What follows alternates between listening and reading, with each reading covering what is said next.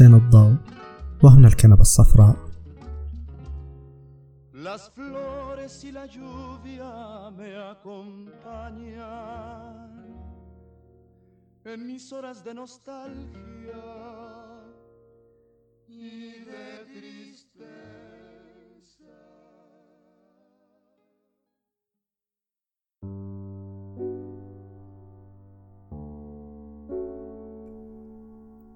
أتذكر بدون ترتيب. معصم مفتوح ولامع بخار يرتفع من مغسلة. مياه بانيو بردت منذ مدة خلف باب مقفل. هذا الأخير لم يكن شيئا رأيته ولكن ما ينتهي بك تذكره. ليس دائما الشيء ذاته الذي شهدته. هذه مقدمة رواية الإحساس بالنهاية للروائي البريطاني جوليان بارنز وهذه الرواية فازت بجائزة البوكر عام 2011 الجميل في هذه الافتتاحية هي عند إتمام الرواية راح تلاحظ كيف هذه المقدمة البسيطة تختزل فكرة الرواية أو موضوع الرواية في مشهد جمالي من الناحية الفنية وأيضا تختزل أيضا آه، محتوى أو موضوع الرواية ذاتها. وخصوصا الجملة الأخيرة ما ينتهي بك تذكره ليس دائما الشيء ذاته الذي شهدته لأن هذا التلميح إلى علاقتنا بالتاريخ ما هو واضح إلى أن تنتهي من الرواية. وترجع تقرأ هذا الاقتباس وراح تفهم بالضبط وش اللي يعني جوليان بارنز أو بالأصح الشخصية آه، الرئيسية في الرواية لما قالت هذا الكلام. على مستوى الخط الزمني تنقسم الرواية إلى قسمين.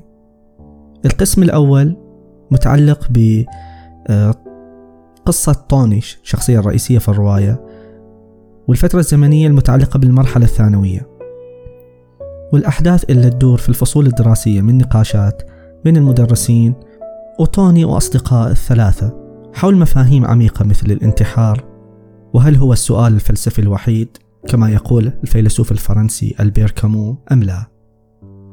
لكن أبرز هذه النقاشات كان متعلق بمفهوم التاريخ ومعناه.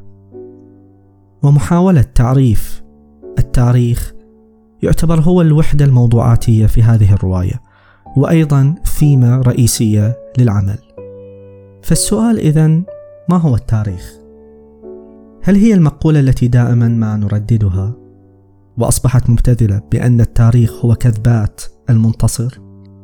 إذا كانت كذلك إذا لماذا لا يكون التاريخ هو ما يتوهمه الخاسر؟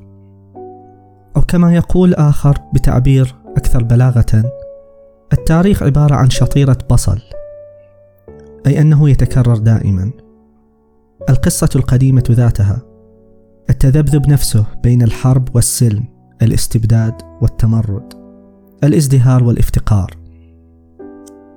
أم أن التاريخ هو ما يفهمه طوني الشخصية الرئيسية في الرواية على أنه ذكريات الناجين الذين في الغالب ليسوا منتصرين ولا مهزومين. لكن بالنسبة لأدريان وهي شخصية أخرى في الرواية هي ليست الشخصية الرئيسية ولكن هي الشخصية ربما المحورية في الرواية. وهو أكثر الشخصيات في الرواية ذكاء وجدلا ويعتبر محرك رئيسي لأحداث الرواية. يقول أدريان إن التاريخ هو الثقة الناتجة عن التقاء ثغرات الذاكرة مع نقص التدوين. بمعنى أن الذاكرة أكيد بعد فترة راح تنسى أو تفقد بعض تفاصيل الأحداث الماضية. وما في هناك مرجع مكتوب مدون يسد تفاصيل هذه الثغرات. فالتاريخ بالنسبة لأدريان هو دائما التقاء هذان العنصران مما ينتج عنه محاولاتنا في ردم هذه الهوة. عبر التوقع والتحليل والاستنتاج. والجميل بأن هذا النقاش حول ماهية التاريخ والانتهاء إلى هذه النتيجة يعتبر هو الحجر الأساس التي ترتكز عليه الرواية بالكامل. لأن في القسم الثاني والأهم يطرأ حدث هام لأدريان يتوجب على إثره أن يتذكر طوني الكثير مما حدث قبل أربعين عام. ينتقل هذا المفهوم في القسم الأول من الرواية من موضوع للنقاش المباشر إلى تطبيق فعلي. وذلك عندما يحاول طوني أن يتذكر تاريخه الشخصي سواء على مستوى الأحداث أو ما يترتب عليها من تفسيرات محتملة في حلقات متداخلة ملأ بالثغرات. فهو بعد أربعين عام ما هو نفس الشخص اللي كان في السابق. هو الآن أصبح شخص كبير طاعن في السن وأمام حدث هام في حياته يخص أدريان.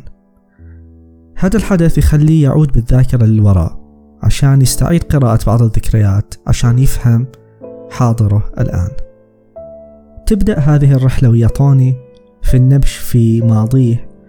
لما توصل رسالة مرفقة بمبلغ مالي من أم حبيبته السابقة. حبيبته قبل أربعين عام. قبل أن تتركه وتتزوج أدريان. تطلب الأم من طوني أن يحصل على مذكرات أدريان من ابنتها اللي هي زوجة أدريان. لكن الابنة ترفض وتكتفي بإرسال صفحة واحدة فقط. ومن بعد هذا الحدث يبدأ طوني في محاولة فهم اللغز اللي يجمع أدريان بزوجته اللي هي حبيبة طون السابقة وأمها عبر ذاكرة فيها الكثير من الثغرات ونص ناقص مبهم وغير دقيق. يعني الحبكة باختصار هي أن القسم الأول من الرواية عبارة عن حياة طوني في شبابه مع أصحابه في المدرسة والنقاشات اللي تصير وعلاقته بحبيبته وعلاقة حبيبته بأصدقائه. في القسم الثاني ننتقل إلى أربعين سنة إلى الأمام. وفي حدث مهم طرأ على صديقه أدريان تخليه يست... يحاول أنه يسترجع ذكرياته قبل أربعين عام عشان يفهم هذه العلاقة المشتبكة بينه وبين أصدقائه وزوجته أو حبيبته السابقة وأمها. من الجمل اللي تتكرر بكثرة على مسامع طوني في الرواية هو أنه لا يفهم ولم يفهم من قبل ولن يفهم أبدا. هذه الجملة تتكرر بشكل كبير من حبيبته وخاصة كل ما تراكمت المجاهيل في تاريخه أو ذاكرته لأن هناك أسئلة كثيرة ما كان طوني فاهمها ولا حتى يعرف الأجوبة عليها. على سبيل المثال ليش لم تمارس حبيبة السابقة مع أهل الجنس لما كانت في علاقة معه. وما سبب تصرف أهل حبيبة السابقة الغريب لما زارهم؟ وإيش علاقة أم حبيبة السابقة بأدريان؟ وعلاقتها بابنتها؟ هذه الأسئلة الكثيرة والصعبة تثبت أن ثغرات التاريخ تتراكم. وهذا التراكم يفتح باب الاحتمالات على مصراعيه فالهوة بين الحدث والمعنى تزداد. أو كما قال طوني واصفا تاريخه الشخصي هناك تراكمات هناك مسؤولية وخلف ذلك اضطراب اضطراب عظيم. نهاية الاقتباس. أيضا هذه الأسئلة تثبت أن هناك فرق بين التاريخ التاريخ العام وبين التاريخ الشخصي. اللي أقصده بالتاريخ العام هو التاريخ المتعلق بجماعة أو منطقة. وهذا التاريخ يمكن استنباط الحالة الذهنية للأفراد بناء على أفعالهم وقراراتهم. لكن بالنسبة إلى التاريخ الشخصي الأمر مختلف والسبب إن إحنا دائما نتاج أفعالنا السابقة. فأنت مشارك في الحدث وفي نفس الوقت الحدث السابق يعني وفي نفس الوقت أنت نتيجة لهذا الفعل أو الحدث. وبالتالي حالتك الذهنية في الوقت الحالي تكون مؤثر ووسيلة لفهم واستنباط أحداث الماضي وثغراته. ومثال على ذلك في الرواية هو أن توني أرسل رسالة إلى أدريان وحبيبته السابقة لما عرف أنهم تزوجوا. وقرأ نفس الرسالة بعد أربعين عام وكان مستغرب من قسوة الكلمات اللي كتبها في ذلك الوقت. وما كان حتى يتذكر الرسالة أن هي كانت بهذه الطريقة لأنه كان في حالة ذهنية مغايرة تماما عما كان عليه في شبابه. يقول طوني مخاطبا نفسه وهنا أقتبس عندما نكون صغارا نخترع مستقبلا مختلفا لأنفسنا وعندما نشيب نخترع ماض مختلف للآخرين. نهاية الاقتباس. الرواية مليئة بالمفاجآت ومنها اللي راح يتعرف عليها القارئ في نهاية الرواية. وحل هذا اللغز المشتبك بين طوني وأدريان وحبيبته السابقة وأمها. وكيف أن الحبكة من من ناحية الأحداث متماسكة بشكل كبير ومقنعة. واللي يزيد من جمال آه هذه المفاجأة إن جوليان بارنز الروائي نجح في أن يجعل القارئ وطوني في نفس مستوى المعرفة. يعني طوني دائما يكون آه، ناسي أو أو يتذكر أجزاء متفرقة من التاريخ. وكذلك القارئ فالقارئ وطوني هم قاعدين يكتشفوا هذا الماضي مع بعض. على مدى صفحات الرواية تكامل موضوع الرواية المتعلق بمفهوم التاريخ مع الجانب الفني للرواية ساهم في جعل الرواية أكثر نضجا إحنا في البداية نقرأ هذا النقاش المتعلق النقاش النظري المتعلق بمفهوم التاريخ والقسم الثاني كأن نشوف تطبيق عملي في حياة طوني وفي تاريخه الشخصي وكيف إنه حاول أن يسد هذه الثغرات الموجودة في الذاكرة. نقطة أخيرة متعلقة بعنوان الرواية المترجم إلى العربية وهو الإحساس بالنهاية. عنوان الرواية الأصلي بالإنجليزية هو The Sense of an Ending. يعني لو بنترجمها حرفيا هي الإحساس بنهاية. وأعتقد أن هذا العنوان هو أكثر دقة من الترجمة الإحساس بالنهاية. لأن طون طوال الرواية هو ما يعرف وش راح تكون النهاية هو مو فاهم شيء. فاستخدام كلمة النهاية كنكرة الإحساس بنهاية وهي الترجمة الحرفية أكثر دقة من استخدام الإحساس بالنهاية. فكأنما نقول أن هناك نهاية ما. طوني ما يعرفها أو لا يستطيع أن يتنبأ بها على عكس أن نقول أن هناك النهاية المعروفة أو المتنبأ بها.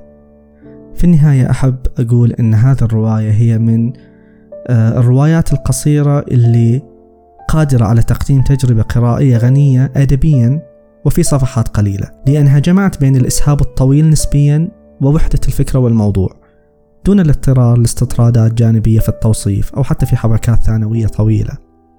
وعليه أنصح بهذه الرواية بشدة. هذا كل اللي حبيت أقوله في مراجعة رواية الإحساس بالنهاية أو بنهاية للروائي البريطاني جوليان بارنز. أتمنى أني قدمت شيء مفيد راح أحط المراجعة اللي سبق ونشرتها في مدونة الثنايا في وصف الحلقة وراح أضيف أيضا آه، الإيميل لمن عنده أسئلة أو اقتراحات أيضا في وصف الحلقة. شكرا لاستماعكم ودمتم بود.